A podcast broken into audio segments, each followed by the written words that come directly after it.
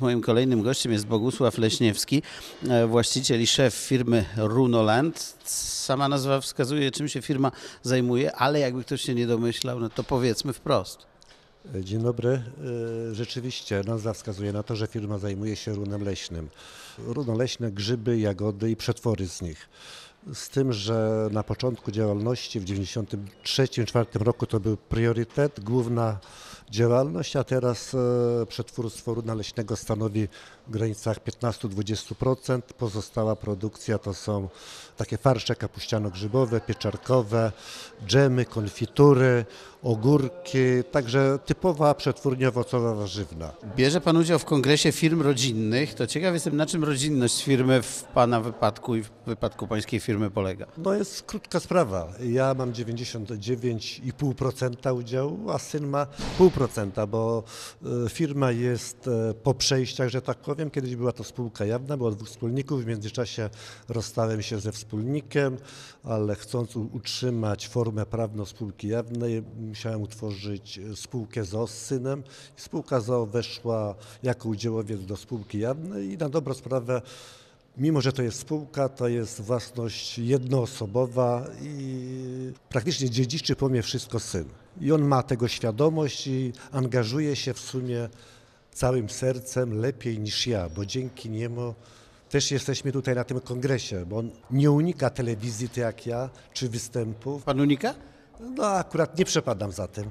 Rozumiem, ale jeśli już rozmawiamy, wolę, tak? Wolę być w cieniu. Taka e, firma rodzinna to jest e, według Pana jakiś dodatkowy e, no, walor dla takiej działalności? To, to coś znaczy, czy to jest tylko hasło, na którym się posługujemy bez, tak trochę bezrefleksyjnie? No. No uważam, że to bardzo dużo znaczy, bo jak sama nazwa wskazuje, firma rodzinna, czyli jedna lub dwie, no znaczy cała rodzina, bo ja jestem, tworzę rodzinę, ale syn też ma swoją rodzinę, czyli co najmniej te dwie firmy stara się, żeby ta firma dobrze funkcjonowała. Dwie rodziny jakby są zaangażowane w to. Tak, tak.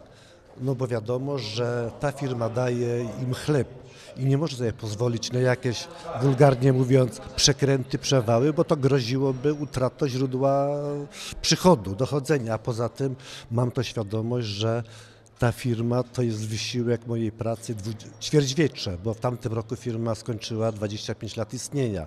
I też nie mogę sobie pozwolić na jakieś ciemne interesy albo jakieś szemrane podejrzane, bo to jest za duże ryzyko. Czy teraz, kiedy tak wiele różnych podmiotów, banków, e, różnych e, funduszy chce podzielić się kapitałem z innymi firmami, to Pan jest tym zainteresowany?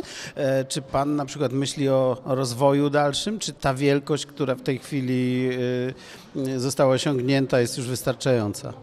Yy, No nie wiadomo, co życie przyniesie. Póki co udało nam się rozbudować zakład, kupić maszyny i na dobrą sprawę nie mam jeszcze wykorzystane w 100% mocy produkcyjnych.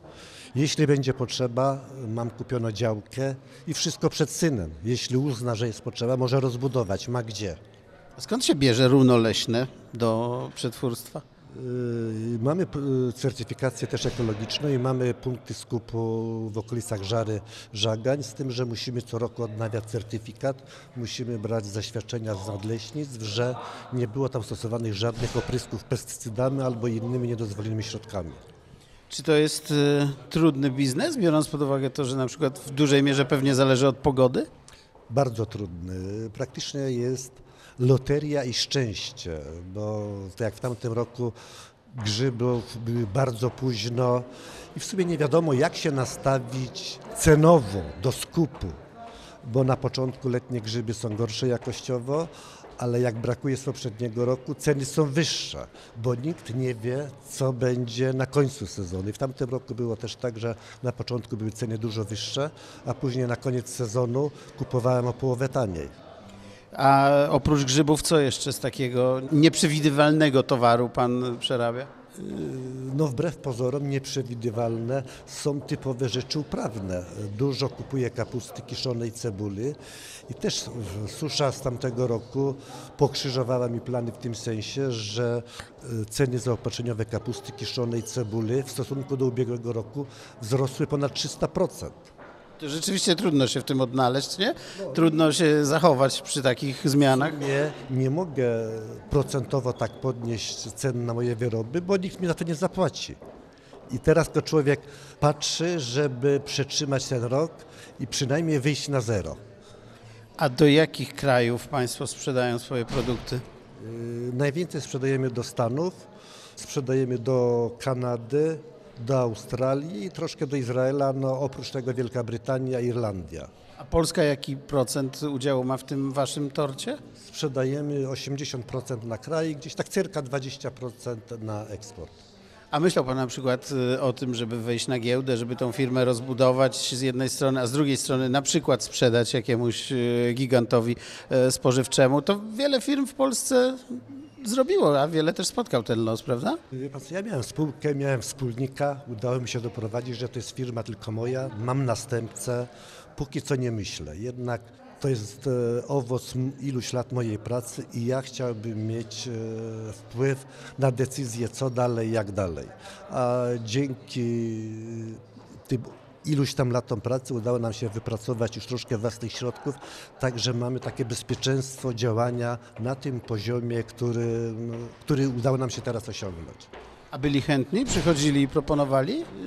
Kilka lat temu, teraz nie. To jest wbrew pozorom ciężki kawałek chleba, jeśli osoba zaufana nie prowadzi tego interesu, yy, to tak różnie może być.